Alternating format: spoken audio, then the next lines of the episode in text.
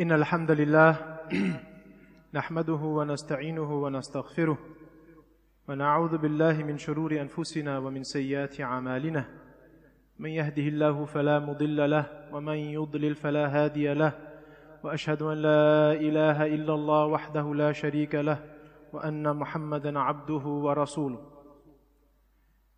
Sandelig, vi takker Allah, vores skaber, og vi søger Allah subhanahu hjælp. Vi søger hans tilgivelse, og vi søger hjælp fra Allah for vores egne korrupte nafs. Og vi søger Allahs hjælp fra vores egne syndige handlinger. Og vi søger hans vejledning. Og jeg bevidner, o Allah, at du, o Allah, er den eneste værdig at blive tilbedt. Ene og alene. Og at jeg bevidner, at profeten Muhammad sallallahu alaihi wasallam er din abd og din budbringer. يا أيها الذين آمنوا اتقوا الله حق تقاته ولا تموتن إلا وأنتم مسلمون Allah subhanahu han nævner i Al-Quran, betydningsmæssigt oversat, Kære troende, dig der tror, husk Allah. Vær hele tiden opmærksom på Allah. Og vær bevidst, at Allah ser alt, ved alt. Derfor husk Allah, som Allah fortjener at blive husket. Og vi laver dua til Allah, at vores sidste minut her på jorden er en tilstand af, vi er troende på Allah. Amin. Kære brødre og kære søstre, mødre, fædre, kære børn og kære unge, også velkommen til Esbjerg Gymnasie.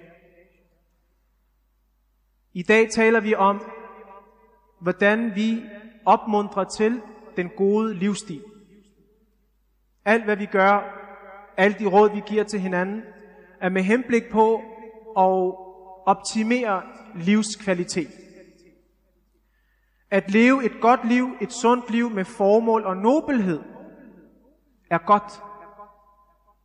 At komme til den konklusion, at man har et formål med livet, er en afklaring. Og det er godt. Så er man det skridt videre og ved, hvad man skal bruge sit liv på. Er man der, hvor man ikke er blevet afklaret med, hvad man vil med sit liv, så kan det fylde så meget, at den potentiale, Allah har givet dig og mig og os, den kan blive begrænset. Derfor, jeg kan huske, da jeg studerede i Syddansk Universitet, kom en, en, min, en af mine øh, klassekammerat, øh, et studiekammerat, han sagde til mig, du virker afklaret. Så jeg er meget afklaret. Han sagde, du er meget heldig. Jeg vil ønske, jeg var afklaret. Ergo det at være afklaret med, hvad man vil og hvor man vil hen. Og det er ikke kun i det religiøse. I det religiøse, det er det største spørgsmål, vi kan få svar på. Bare det at blive afklaret med, hvem man vil giftes med. Uddannelse, job, hvor du vil bo. Det kan stresse folk. Forestil jer så et liv, hvor man ikke ved, hvor man er på vej hen. Man har fået det hele, og man ved ikke, hvor man er. Så at leve et godt liv, sundt liv, er en god ting. Og det vi taler om i dag, er netop med henblik på, at vi inshallah kan opnå det gode liv. Fordi desværre, når vi ser omkring os, så ser vi folk løbe. Folk har travlt. Der er, en, der er et ræs, og der er en konkurrence. Og mange gange ved folk ikke, hvorfor de har så travlt. Hvad er det, de konkurrerer omkring? Hvad er det, de ræser om? om? Og mange gange desværre, der finder man ud af, at det ræs og den konkurrence handler om at få mere. Så man siger på dansk, mere vil have mere. Vi vil have mere end naboen. Vi vil have mere end kammeraten, der jeg ser i klubben. Vi vil have mere end studiekammeraten. Vi vil have mere end kollegaen. Hele tiden er der et ræs om, at vi vil have mere, og vi vil have mere, og vi vil have mere. Og det her løb er ikke et spirituelt værdiløb. Det er et meget materialistisk løb. Og lad mig afsløre for jer, ligesom jeg selv bliver afsløret hver gang, at det materialistiske løb slutter aldrig. Det fortsætter. Og jo hurtigere vi prøver at løbe efter den, jo mere stikker den af. Man fanger den aldrig. Og læg mærke til det i de små eksempler. Der er altid en opgradering. Der er altid en ny model. Der er altid en ny opfindelse. Hvis vi bare tager for de fleste af os, der måske er brugere af Apple og iPhone og alle de produkter, der hører med, der går ikke lang tid, før de introducerer en ny model. Den vil man også gerne lige have. Og sådan bliver vi ved med at ræse og løbe efter at vil have mere.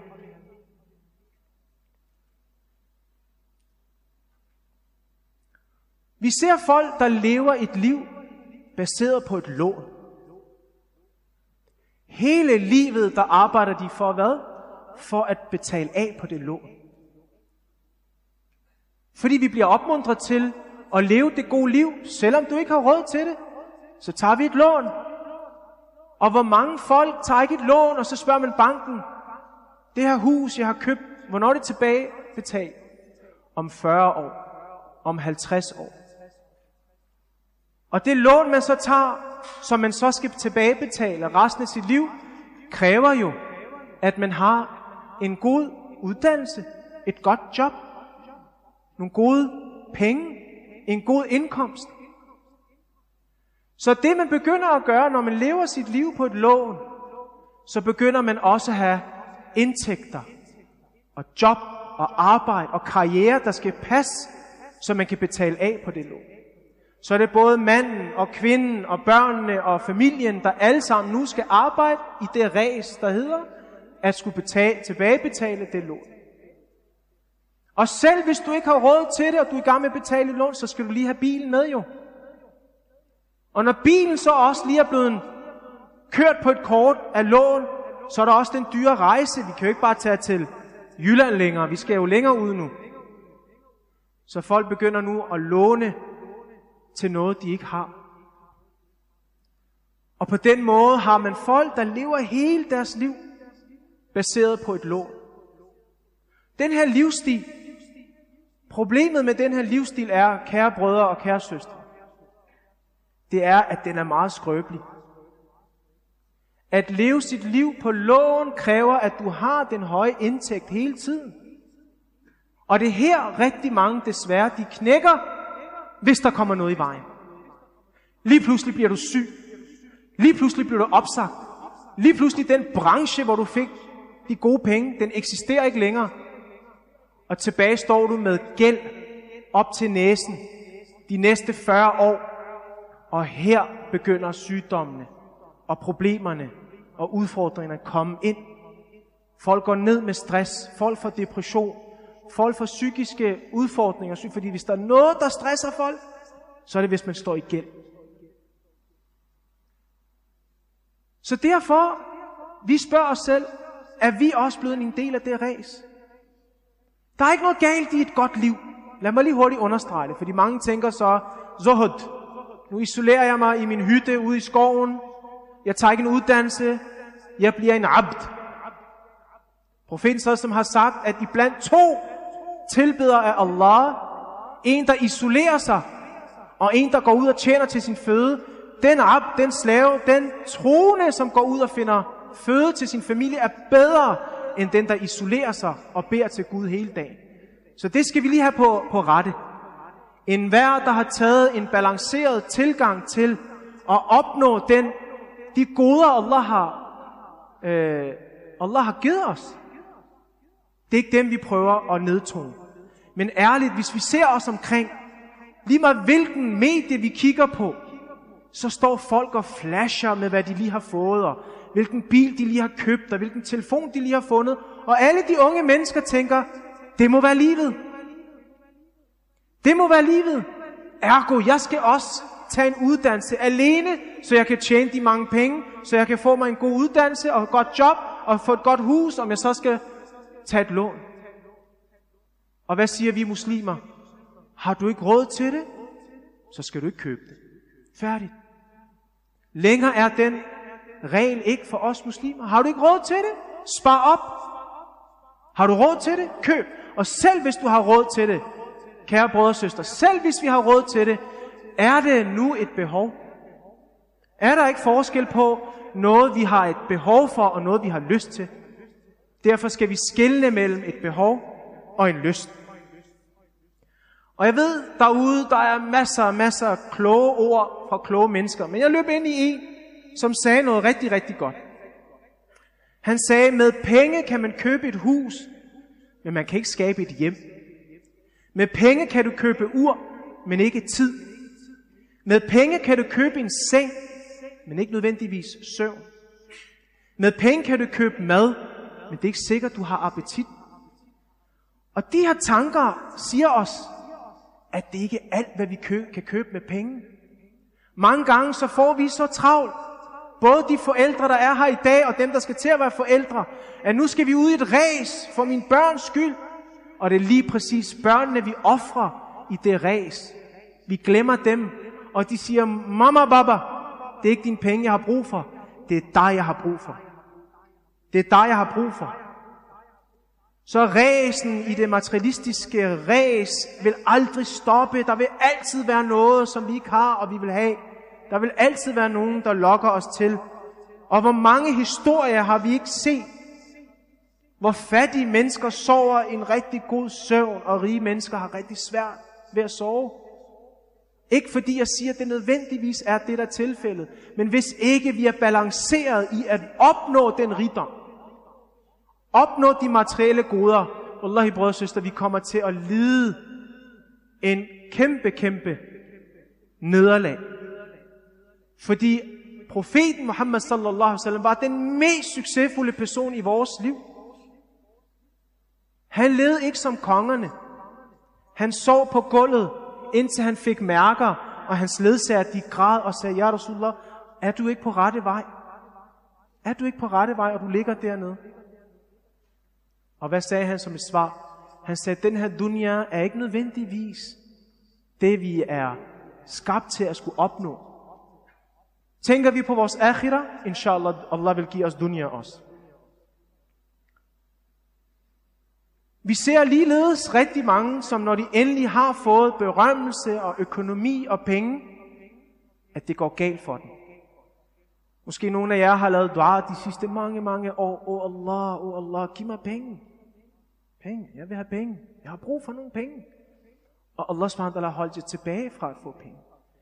Hvis vi ser på fodboldstjerner, sangere, skuespillere, andre kunstnere, der har fået på et tidspunkt blev så berømte, at de fik, deres, de fik mange penge. Men hører rigtig mange historier, desværre, hvor deres penge gik hen og blev en ulykke for dem. De penge blev et forbrug af alkohol og stoffer, kvinder og, og, og ludomani, og det røg den vej rundt. Så pengene kom, der kom så mange af de penge, at de blev misbrugt. Hvem ved, hvor mange af os egentlig kan klare millionerne i virkeligheden? Vi snakker om, at vi gerne vil være rige, men hvem ved, hvad det får frem i os den dag, der står 5 millioner på din konto? Lige nu måske der står 500 kroner. En gang. Hvis vi er heldige. Men hvis der står 5 millioner, hvad gør det ved os? Hvad gør det ved vores sjæl? Hvad gør det ved vores nafs? Kan vi styre det? Nogle gange kan det være en velsignelse, at Allah holder os tilbage, hvis vi ikke er modne og klare til den store gevinst i livet. Og dem, der så kan klare det, mashallah, fra sahaba til sahabiyat, profetens ledsager, dem, der havde penge, og de havde, og de var gavmilde, de gik også rundt og gav til dem, der havde brug for det. Og det er faktisk essensen af, hvorfor jeg har det her oplæg omkring det at kunne have en livsstil, hvor det at give penge, det at dele, er en vigtig del. Vi bor i et land, hvor vi har så mange velsignelser. Vi har så mange muligheder. Der er ikke folk, der går sulten i seng, før at de har mulighed for at få hjælp. Der er undtagelser, hvor det virkelig går galt, men de fleste kan søge hjælp. Alligevel oplever vi, at folk er nærige og grådige med deres penge. De har svært ved at give fra sig.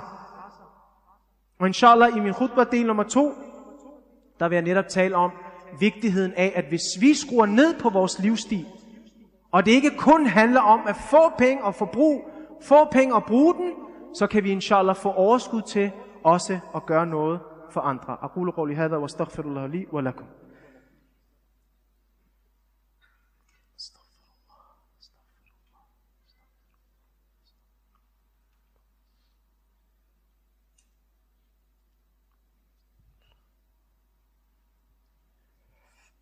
الحمد لله والصلاة والسلام على رسول الله صلى الله عليه وسلم بسم الله Brødre og søstre, hvis vi formår at få en balance i vores økonomi, og at vi bliver bedre til at gøre brug af den økonomi, Allah har givet os, så vil der være meget mere til rådighed, som vi kan gøre brug af og hjælpe andre mennesker. Nu tilfældigvis i dag vil jeg tage op et emne, hvor sadaqa og hjælp til dem, der virkelig har brug for det, bliver meget aktuelt. I ved lige nu, er der sket en af de største katastrofer nogensinde i pakistansk historie. Tallene er katastrofale. En tredjedel af hele Pakistan er lige nu under vand. Og det svarer til 5-6 gange Danmark. Vi vil for længst ikke have haft Danmark, hvis vand skulle komme på det areal, vi bor på. Folk har ikke længere i de, de her områder adgang til ren vand, til medicin og til hjælp. Og sygdommene er lige nu ved at sprede sig hastigt. Og især nu, når vi skal til at ramme vinteren, så kommer det til at blive ekstremt slemt. Allerede nu ved jeg, at i Danmark, fordi der er noget værskifte, hvor mange er ikke gået hen og blevet syge, og hvor koldt er det ikke blevet, Mindst 33 millioner mennesker er blevet påvirket af den her oversvømmelse i Pakistan. Og der er hundrede af tusinder af infrastruktur, som broer og, og, og huse og hjem, der er blevet fuldstændig ødelagt. Og vi skal spørge os selv en ekstra gang, og det gælder ikke kun Pakistan. Generelt er det ikke, vi skal ikke være reaktionære. Hver gang der er et eller andet, så reagerer vi, og så snart, for eksempel nu, der er ikke så meget i medierne om det. Og vi tænker, ja ja, nu er vi videre, og nu er det vores nafs os selv igen. Hvis du skal gå fra en iPhone, hvad er vi oppe på? 13? 14. Hvis du skal gå fra en iPhone 13 til en iPhone 14. Tænk, kunne de penge gå til noget bedre? Ærligt, det er meget lavpraktisk. Skal du til at købe den nye jakke? Okay, vinterjakke, men har du 5-6 stunder i, i garderoben?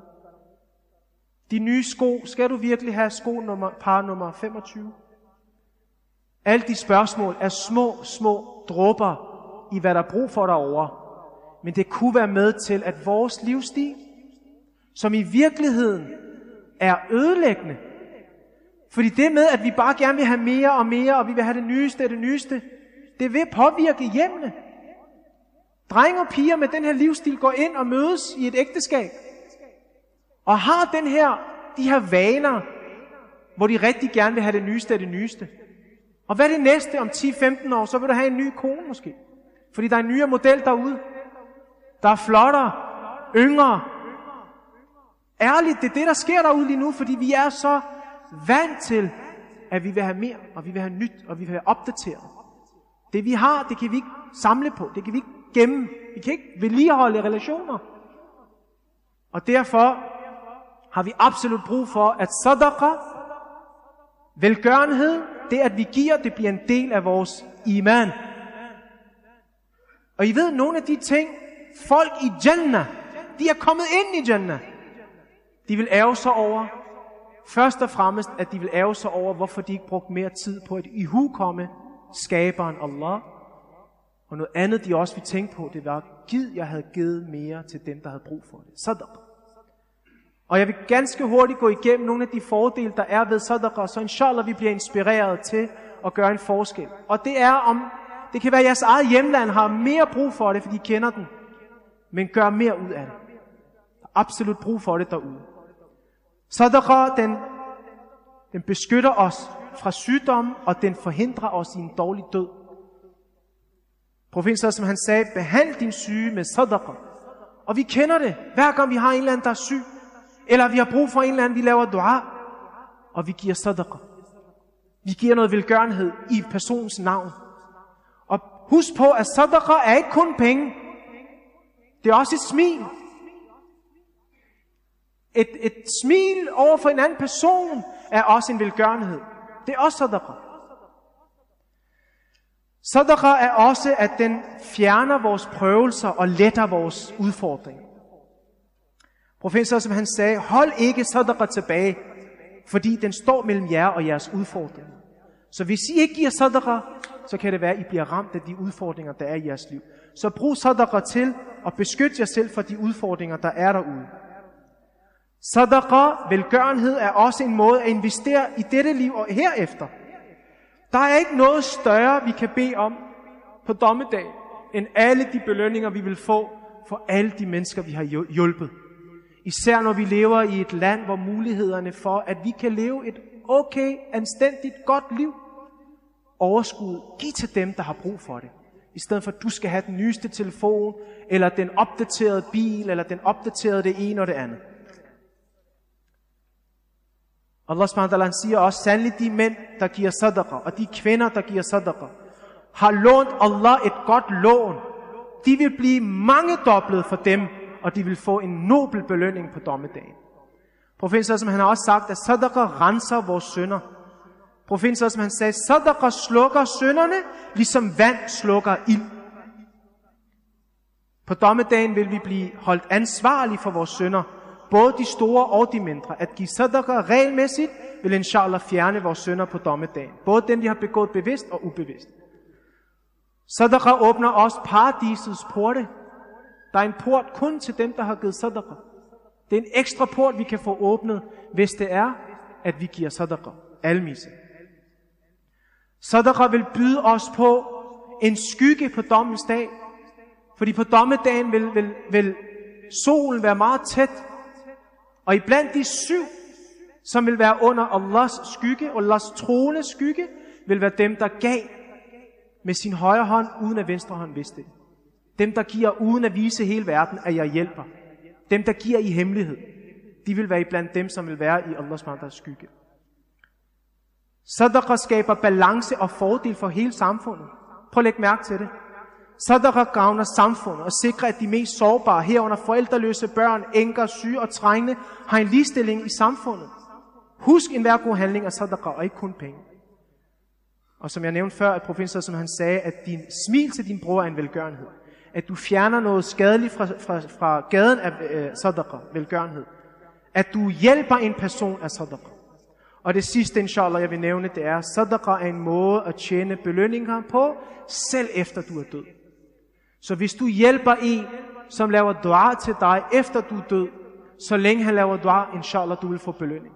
Hvis din sadaqa går til at bygge noget, der er godt for menneskeheden, inshallah, når du er død, du vil få belønning for det. Hvis du giver noget til et barn, og du lærer ham noget godt, inshallah, Allah subhanahu vil give det her sadaqa jariya. Noget, der fortsætter selv efter, at vi er død. Ya muqallib al-qulub, thabbit qalbi ala dinik. O Allah, hjælp os med ikke at falde tilbage til vores gamle usunde vaner. O Allah, styrk vores iman, styrk vores hjerter, rens vores sind og hjerter fra nifaq og hykleri, fra dogenskab, fra de store og de små synder. O Allah, helbred de syge, fysisk såvel som de psykiske. O Allah, red vores brødre, og søstre, der lige nu lider på grund af den katastrofe, der er i Pakistan. Ja, Allah, ja Allah, foren de brødre og søstre, der kæmper med uenighed, fjendskab og splittelse. Foren deres hjerter, ja Allah. Ja Allah, tilgiv os sandelig, vi har syndet, men o Allah, du er den mest barmhjertige, den mest tilgivende. Ja Allah, accepter vores gode handlinger, accepter vores faste og salawat og vores qiyam og vores sadaqa. Og Allah, giv os plads i Jannatul Firdaus ved din rahma. Og Allah, foren os i Jannah, som du har forenet os her i dag. Rabbana atina fid dunya hasana wa fil akhirati hasana wa qina adhabana wa aqimus salah.